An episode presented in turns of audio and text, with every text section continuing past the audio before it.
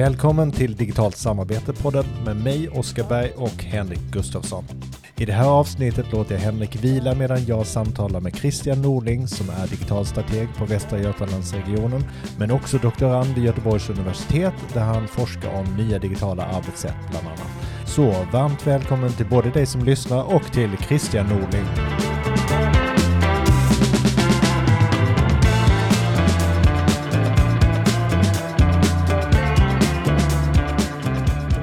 Självklart ställer jag upp och om jag kan bidra med något så, så är det bara roligt. För de som inte känner dig så kanske du kan prata lite om vad du pysslar med om dagarna? Ja, jag gör lite olika saker men jag har min anställning i Västra Götalandsregionen tillhör där koncernstab digitalisering där jag jobbar som strateg. Där spenderar jag halva min tid och eh, halva, min andra halva spenderar jag på eh, institutionen för tillämpad IT eh, på enheten för informatik på Göteborgs universitet. Där jag är doktorand. Så att då jag kombinera mitt intresse för digitala arbetsplatsen, digitala arbetssätt, digitalisering, digital transformation både i praktik och i teori. Och det är det som gör det här intressant tycker jag att du har praktikens perspektiv men också då teorin. Ja, just det. Ehm, min eh, idé i avhandlingsarbetet just nu, det här är ju för de som är forskare och håller på att doktorera så vet man att man kan ju ändra riktning under tidens gång. Man hittar intressanta mm. nya ämnen och infallsvinklar. Men just nu ser det ut att Eh, är min plan att studera digitala arbetssätt som eh, en delmängd av både av digitalisering i sig, det vill säga verksamhetsutveckling med hjälp av digital teknik eh, och digitala arbetssätt i själva görandet av den här transformeringen som digitalisering möjliggör. Då, det vill säga nya arbetssätt och nya organisationsformer, nya sätt att samarbeta och kommunicera skilt både från tid och rum så att säga på olika sätt. Antingen asynkront eller synkront och, och, på olika sätt beroende på vad vi vill åstadkomma. Det finns ju en hel del mm. forskning nu framförallt kring eh, videomöten eh, som då ja, kommer sig ur den situation som hela världen har hamnat i med pandemin. De som har kontorsarbete kunde helt plötsligt få tvungna att eh, sköta sitt arbete från annan plats än kontoret.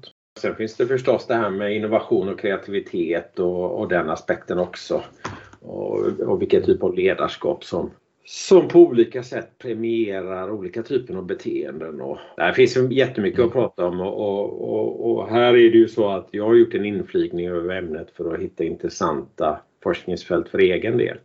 Men på varje givet ämne finns det förstås bättre experter. Eh, så är det.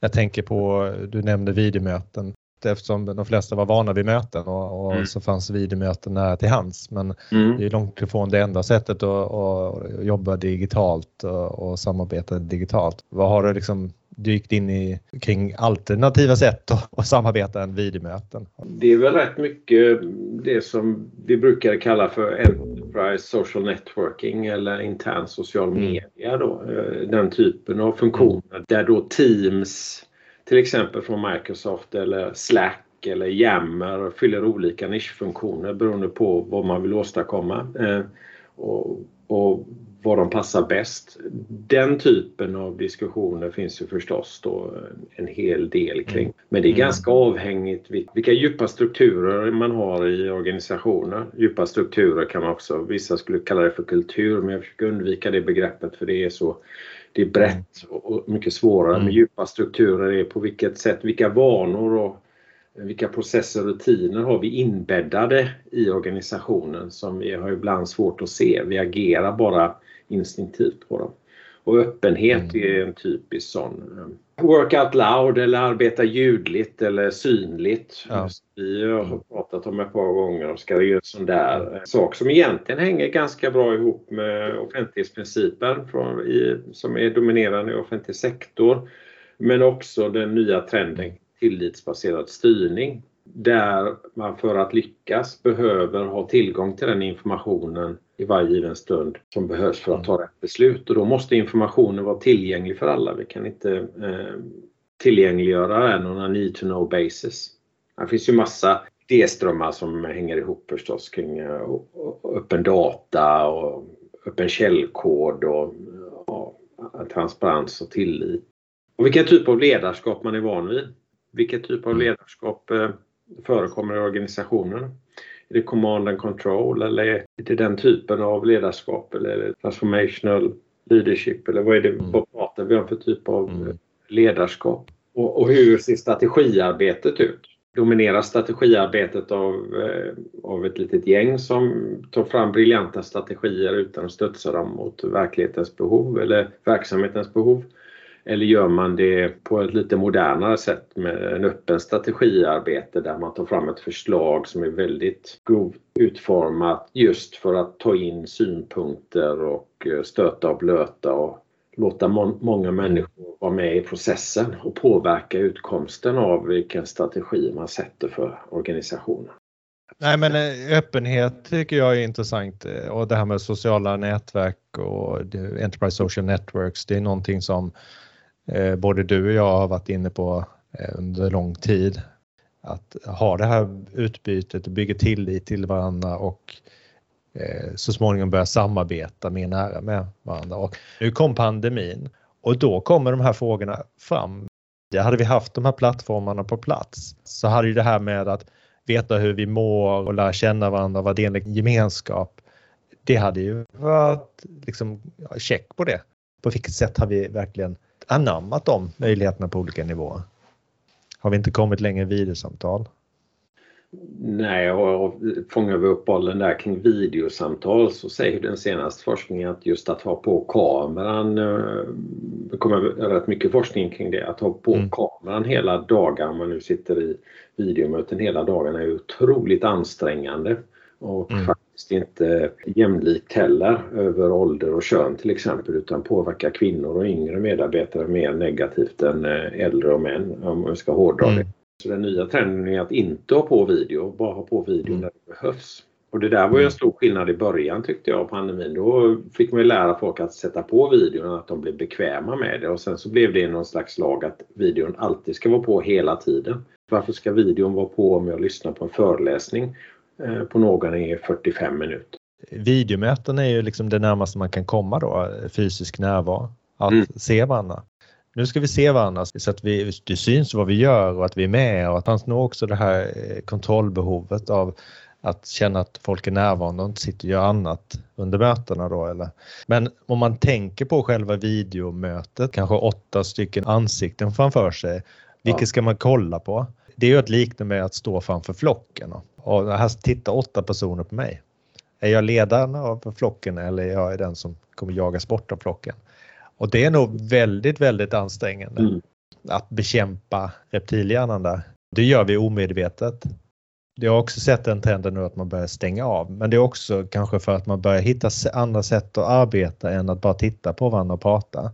Att man börjar använda digitala whiteboards och planeringstavlor och så vidare. Varför ska vi ha på videon? Jag hoppas verkligen att vi har nått peak möten nu. Att eh, det här är den perioden i arbetslivet som det var mest möten och att det minskar nu. Ja. Eh, min uppfattning är fortfarande, här får folk gärna ha en annan åsikt, men möten har vi för att vi inte är tillräckligt bra på att planera och samarbeta. Därför tar vi till eh, nödlösningen möten. Mm. Och så har vi ännu mer möten. Någon gång ska vi hinna jobba också.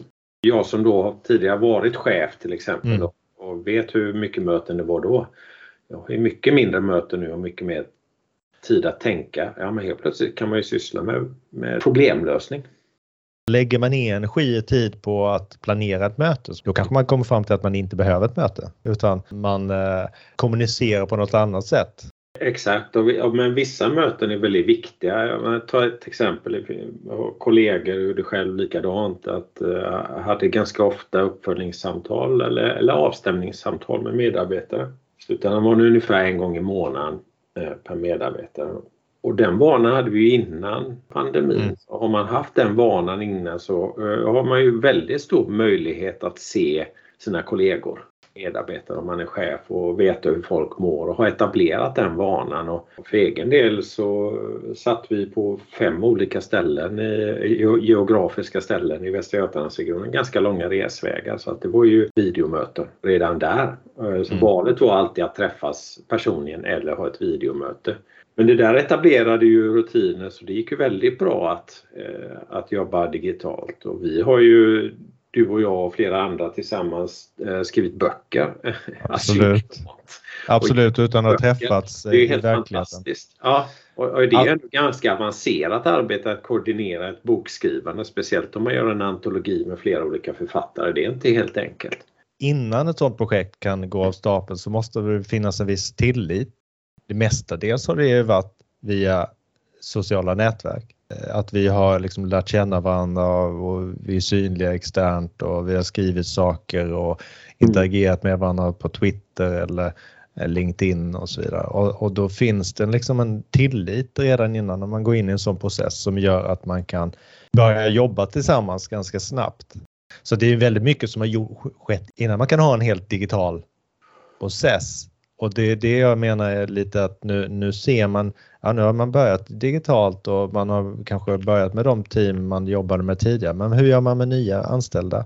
Hur gör man med de man inte redan känner? Och där har man ju problem idag i många organisationer att man inte har den, de arbetssätten, de beteendena man har inte de kanalerna eller de medierna att göra det på heller. Man har inte vana att agera på det sättet. Jag menar, det är en viktig poäng här Oskar. Jag tycker det, det du poängterar här att egentligen var, varför vi då kände tillit för varandra var ju för att vi hade läst varandras verk. Det vill säga, jag har läst dina tankar på bloggposter och LinkedIn och Twitter och likaså med alla de andra författarna över lång tid och hängt med dem och förstått hur de eh, tänker och responderat. Haft en dialog många gånger också kring olika ämnen där intressena sammanföll. Så det var inte så svårt och, och varit på samma konferenser och pratat förstås och, och då haft det där lilla sociala kittet man ändå hade träffats. De allra flesta hade ju träffats fysiskt också, inte samtidigt. Men Nej. sammantaget hade alla träffat varandra i princip. Har man inte upplevt det mm. så tror jag det är svårt att förstå det. Då, då, utan har man upplevt att ja, men det är ju när man kommer in på kontoret och börjar nätverka med människor träffar, det är då man bygger relationer, det är då man kommunicerar och kan mm. bygga tillit till varandra. Och så ser man det andra, så, att det där är bara verktyg. Säger man. Det hörde jag senast i, i, i förrgår. Så här, ja. men det där är bara verktyg. Vi måste bygga relationer och tillit. Ja, men hur bygger man relation och tillit? Genom att kommunicera med varandra. Om vi pratar om kommunikationsverktyg, då är det ganska bra att ja. kunna kommunikationsverktygen om man ska kommunicera med varandra eh, och bygga relationer och tillit. Ja, eller, ja, men eller hur. Den här mikrointeraktionen som vi då pratar om som sker på kontoret. Man säger hej och byter några ord vid kaffemaskinen eller eller mellan mm. möten, man går förbi varandra i korridorer eller träffas på möten och så träffas man på Det är en mikrointeraktion och den där kan du lika gärna ha i andra medier. Du kan ha den på Twitter eller i Yammer eller Slack eller någonting annat. Grejen är att folk måste ju öppna upp sig själva och beskriva vad de gör. De måste ju arbeta ljudligt ja. och inte bara synliggöra sitt arbete utan synliggöra den kunskapen man har. För hur ska vi annars kunna veta vad organisationen vet om vi inte vet vad organisationen vet? För att parafrasera HP. Hur vet vi det? Jo, när, när kollegor berättar om eh, nya lärdomar de gjort så kan jag garantera att för varje lärdom av eh, ett nytt snabbkommando i valfritt eh, kontorsprogramvara så finns det tio till som blir superlyckliga över att du berättar det. Det är så du skapar tillit. Jag vet inte detta. Är det någon som vet? Och garanterat i en stor organisation eller i mindre specialiserade så är det ju någon som vet. Man ser inte det här vad kaffesnacket eller korridorsnacket egentligen handlar om. Det handlar ju om ja. de här mikrodelningen av information och mm. man stöter på människor som man inte normalt sett kommunicerar så mycket med. Men nu ser man här att man tappar någonting i det digitala och då vill man återskapa de här fikapauserna och sånt där.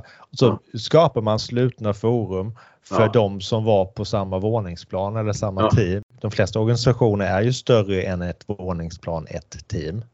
Vem som helst, hur många som helst kan ju gå i den här korridoren i det digitala Och, och det som den digitala tekniken tycker jag möjliggör är ju faktiskt att få ännu mer intryck och synpunkter från folk som man kanske normalt sett inte ens springer på då i korridorerna eller i fysiskt utan eh, verkligen berikar eh, eh, kunskapen och problemlösningen.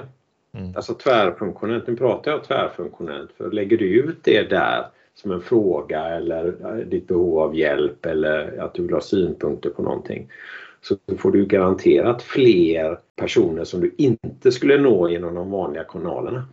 Mm. Jag kan inte annat tycka att det skapar mervärde.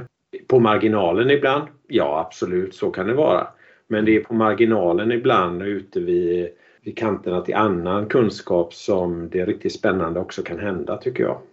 Det som är normalt sätt att sköta en verksamhet är specifikt inom ett specifikt område att göra på samma sätt i ett annat ämnesområde kan ju vara i, hur innovativt som helst. Det är så ofta man inte ser det här vad öppenhet kan ge förrän man egentligen har upplevt det själv. Ja, det finns mycket fascinerande kring det här. En annan gång pratade vi om, eh, om eh, det här med att spela online. Mm, just det och, och dela grejer online och vilken typ av ledarskap det behövs, behövs för att leda ett gille World of Warcraft till exempel eller mm. att bygga någonting tillsammans i Minecraft. Det finns en hel generation här som har ett helt annat sätt att förhålla sig till, eller flera generationer, till detta. Och samordnat utan att... att man har en formell ledarskapsroll. Det är superintressant. Framtiden är ju ojämnt distribuerad. Ja. Eh, det finns ju massor att lära sig där om man bara förstår att mm. de gör ju egentligen samma saker. Alltså mm. de samarbetar, de eh, samskapar, de är innovativa, de eh, leder. Där ledarskap kanske inte är en person mm. eller en roll ens, utan det är någonting de gör i gruppen och fördelar mellan sig i gruppen. Och det finns ju jättemycket att lära sig av det här i, mm. kring hur man organiserar och leder en organisation och hur man tänker kring överhuvudtaget de här frågorna, hur man eh, leder och vad ledarskap är. Precis, de är målinriktade oftast. Det är en uppgift de ska lösa tillsammans. Det är klara ett uppdrag eller bygga någonting. Man, mm. man målet ganska tydligt framför sig så hittar man sätt att eh, ta sig dit helt enkelt. Du, nu kommer jag från ämnet. Jag hade en annan sak jag skulle vilja ta upp. Vi pratar om, så här, om i en organisation som alltid processer och rutiner och sånt, eller hur? Mm. Vi brukar hänvisa, vi har inga riktlinjer för det, vi tar fram nya. Mm. Där finns det ett rätt spännande forskningsfält som jag har läst in mig lite grann på. Det kallas för Routine Dynamics. Okay. Vi tror ju oftast att rutiner och ja, riktlinjer och sånt och processer framförallt är väldigt rigida. Mm alla gör som processen gör men eh, forskningen säger att inom varje sån given process så finns det alltid ett spelrum. Det är alltid kontextuellt på vilka som arbetar i processen. Vad är resultatet? Vad är input output av processen? Och där finns det en ganska stor variation redan från första början när man upprättar processer. Det finns ju många eh, som inte vill se den variationen. Speciellt när det gäller kunskapsarbete skulle jag vilja säga då. Men det är klart i en industriell tillverkning så vill du inte ha variation i din, i din output så du, du jobbar ju hela tiden för att minska alltså mm. variationen i, i, i din output. Men i kunskapsarbete gäller inte det på samma sätt även om vi tror det. Och det är det jag menar att även i de repeterbara processerna, mm. rutinerna, så finns det en stor grad av variation. Därför har vi uttrycket routine dynamics. Det finns en dynamik mm. även i dem som eh, kan vara svår att fånga upp och det är när vi når någon slags brytpunkt där den gamla processen inte fungerar längre. Då har variationen blivit för stor i förhållande till processens ja, hur mm. önskar av den och då, och då måste vi skapa en ny process.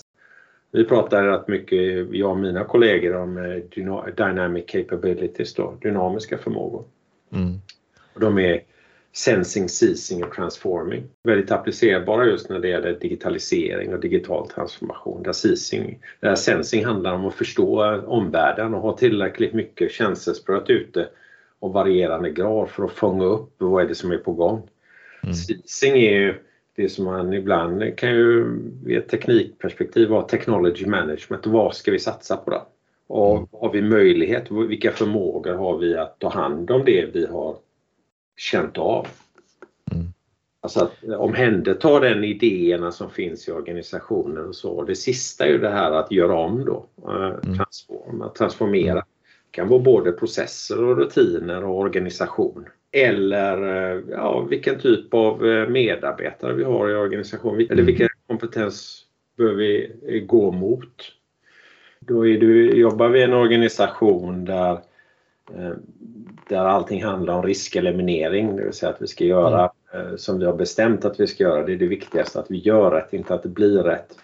Ja, det är mm. klart, vad är incitamentet på att göra någonting på något nytt sätt? I bästa fall kan få en klapp på axeln om det går bra, men går det dåligt? Ja, det är ju inte bra för mig Nej. som person och min Nej. karriär. karriär. Då kanske inte alla idéer kommer fram som borde komma fram. Och finns ett helt forskningsfält kring det här med risk aversion, alltså riskobenägenhet och hur det, hur det leder till uh, organizational inertia, alltså mm. förmågan att förändras, vi blir statiska och, och utvecklar oss inte. Um, mm.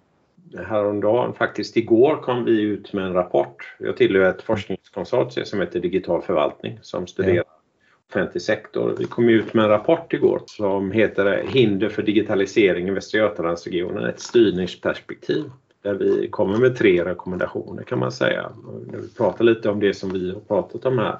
Man måste skapa en omställningsförmåga, mm. styrning och organisering som är formbar och adaptiv. Att vi har förmågan att anpassa oss till mm. omvärlden. Vi är organiska på det sättet. Och ett mikroperspektiv ja, där vårt tanke och arbetssätt är, präglas av agilitet eller förmågan att, att göra saker, prova snabbt och avfärda snabbt istället för förstudier och långa projekttider. Och där fokus ligger på utveckling och utforskande, det vill säga det är tillåtet att misslyckas. Mm. För vi kan ju inte ha någon utveckling om vi inte tar någon risk. Och är man då en riskobenägen organisation så får vi ett problem förstås. Då minskar vi variationen, det vill säga utvecklingen och den här utforskande delen. Sen har vi en tredje rekommendation då att ta tillvara på alla förändringsinitiativ som sker i organisationen. Och hur ska vi ta tillvara på dem och fånga upp dem? Mm. Vi utgår alltid från linjens behov och hur linjen skickar vidare. För här är ju också en kognitiv förmåga av vem är gatekeeper för idéer? Vem, har, vem, vem förstår om en idé är bra eller dålig? Är det ens kollega, ens närmsta chef eller chefens chef eller chefens chefens chef? Eller vem är det och på vilket sätt fångar vi upp de här sakerna? Mm. Det gäller att skapa alternativa strukturer, eh, tror jag, eh, idag. Har vi inget svar på. Så att eh, länk eh, kommer till poddavsnittet. Jag rekommenderar rapport. Jag fastnar ju för de här eh, mekanismerna som ni illustrerar. Ängslighetens mekanism som ni ja. har och rädslans mekanism. Eh, varför tar man inte risk? Varför eh, blir man problemorienterad istället för lösningsorienterad? Då vill jag poängtera att det, det, här är ingen forskningsartikel utan det är en rapport skrivet då för mottagaren Västra Götalandsregion som det handlar om men även för annan offentlig sektor. Jag tror i och för sig att eh, många privata organisationer också har mycket att hämta i rapporten. Du nämnde för mig att praktiker längre fram än forskningen och det här kanske på vissa områden. Så många praktiker har ju rört sig i det här området där man det är en helt ny situation och man provar massa olika saker och hittar sätt att göra det på. Ta till exempel här, jag har i alla fall inte hittat någon forskning som utgår från det här work out loud. Nej. Och det är konstigt det, eftersom det, det funnits så länge. Det är annat att jag inte är tillräckligt insatt. Man kallar det, man har ett annat begrepp för det. Eh, däremot så förekommer det i matematikundervisning eh, att man pratar om work out loud, det vill säga man förklarar hur man tänkte när man löste det matematiska problemet. Det ligger ju liksom ja. i sakens natur där.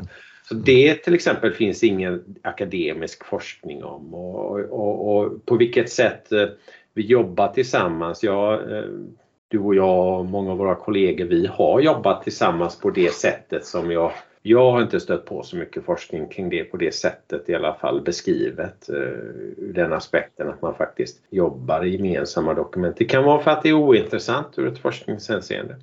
Om inte det i allmänna debatten är intressant så ja, hur ska vi som forskare fånga upp det att det finns något intressant att studera där? Alltså jag tycker ju att det definitivt borde vara ett eh, intresseområde. Det här med digital workplace som vi båda känner till, den digitala arbetsplatsen. Mm. Det finns ju sporadiska forskningsartiklar de senaste tio åren kanske som handlar om det. Eh, men det har inte varit ett stort ämne. Eh, vi mm. tycker ju det har varit stort som varit engagerade i liksom praktiken kring detta. Men det, nu börjar det ta fart. Att det finns ett, någonting som heter Digital Workplace men den definitionen är mycket vidare än vad vi var vana mm. vid. Här handlar rätt mycket om eh, cyberbullying, alltså mobbning både mm. internt och externt och personer, alltså hur det sker och, och digitalt arbete, hur, det finns grupper av människor som utnyttjas i sitt arbete på de digitala, alltså de här plattformarna. Gigarbetare till exempel. Mm. Det finns en ny underklass av gigarbetare och så som tjänar ganska dåligt eller fruktansvärt dåligt och har mm. dåliga arbetsförhållanden och sånt där. Va? Det ingår i forskningsfältet men det är ju inte det som vi har pratat om Oskar. Vi har pratat om samarbete och kommunikation kanske. Man kanske inte har sett de här möjligheterna. Nu blir man ju tvungen att se konsekvenserna av det för att vi har kastats in i den här digitala arbetssätten och, och så vidare. Men det borde finnas mycket mer Eh, forskning och överhuvudtaget mer fokus på hur kan den här utvecklas för att framåt sett både förbättra verksamheten men eh, göra det enklare att bedriva verksamheten i en pandemi eller för att minska eh, psykisk ohälsa och så vidare. Man tenderar ju att hitta det negativa och, och liksom rota i det och även Eh, vilket inte är fel naturligtvis, men man kanske tappar helhetsperspektivet och eh, man missar möjligheterna och, och ser möjligheterna i det. För att när jag till exempel googlar kring online-spel och forskning, då handlar det mest om eh, spelberoende, mental ja. hälsa och andra negativa ja. effekter med det här. Men vad är alla, alla de här sakerna som funkar i det här? Det finns ju saker som funkar i det här. Mm. Hur kan vi applicera det på något annat? Och där tycker jag personligen att forskningen borde vara mer, man kan säga opportunistisk, det kanske är fel ord, men möjlighetsstyrd än problemstyrd. Då. Eller för den delen i så fall fokusera på behov, grundläggande behov, problem och se hur kan man lösa det? Ja men exakt och så finns det en del det kring spelifiering eller gamification hur det ska mm. kunna an användas i liksom ett enterprise eller organisationsperspektiv liksom mm. förstås. Mm. Mm. liksom, ja, dark patterns och, och så. Mm på felaktigt eller på ett positivt sätt. Men det är inte det vi pratar om när vi pratar om spel. Det är ju något annat. Eh, alltså det är just den här sociala aspekten som är, inte är ett antisocialt beteende eller destruktivt utan det här mm. positiva. Du ja, låter ju... som teknikoptimister, liksom sådana här utopister eller sådär. Ja, för I vissa öron eh, gör vi väl det. Vi säger inte att det bara är positivt. Nej. Och, eh, men glaset är både halvfullt och halvtomt. Och där finns det ju en, liksom en tendens att, att fokusera på det negativa. Om man tar nyhetsvärlden och medievärlden så är det, säljer det betydligt bättre. Jag tror ju definitivt att forskningen också tenderar att gå åt det hållet. Ja men precis. Va? Och så kan vi ju då diskutera där i vilken kontext diskuterar man vilka problem med den aktivitetsbaserade kontoret eller inte. Är det bra eller dåligt? Ja men det beror ju på i vilket syfte vi använder kontoret. Mm i, i syftet att vara där och göra fokuserat arbete. Nej, det kanske inte är så bra men om vi har tillåtelse att göra det på en annan plats och möjlighet också. Det vill säga vi har mm. bra utrustning och så på en annan plats hemma eller vad det nu kan vara. Mm. Ja, då, då, då kanske kontoret fyller en annan roll. Men om vi tittar på det som vi alltid tittar på det i samma glasögon så det är klart att då ser vi problemen med det jämfört med cellkontor eller vad det nu kan vara. Där blir ju svaret antingen som en konsult eller som en forskare. Det beror ju på. Mm, ja. Hur ska vi summera det här då? Mm. Finns det något mer att forska kring? Oh ja, det finns ju mycket som helst men man, man bör ofta titta på sin problembild eller sina, sin lösningsbild på många olika plan. På ett makroperspektiv, hur styr och leder vi den här digitaliseringen? Hur styr och leder vi samarbete och kommunikation i organisationen? Hur jobbar vi liksom tillsammans i vårt team till exempel? På vilket sätt gör vi det och på vilket sätt interagerar vi med andra? Och sen eh, framförallt ha det där mindsetet kanske att vi inte riktigt vet utan låt oss prova oss fram men gör, prova lite eh, mm. hela tiden och se vad som funkar. Bara för att det inte funkade för kollegorna i teamet bredvid så behöver det inte betyda att det inte funkar för oss. Jag tycker som du tryckte det, det beror på. Sammanfatta ja väldigt väl hur man, ska, hur man ska se på forskning och hur man ska se på lösningar och så vidare. det beror på. Mm. Christian, tack så hemskt mycket för eh, det här samtalet. Ja, tack så mycket för att jag fick vara med. Det var ett sant nöje.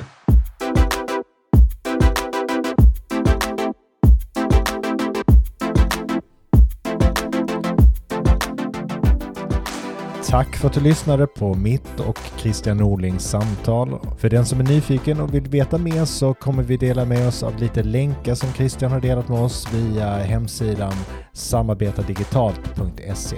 I nästa avsnitt återgår vi till normal bemanning med mig och Henrik och vi kommer prata om ledarskap och hur man leder i en digital värld.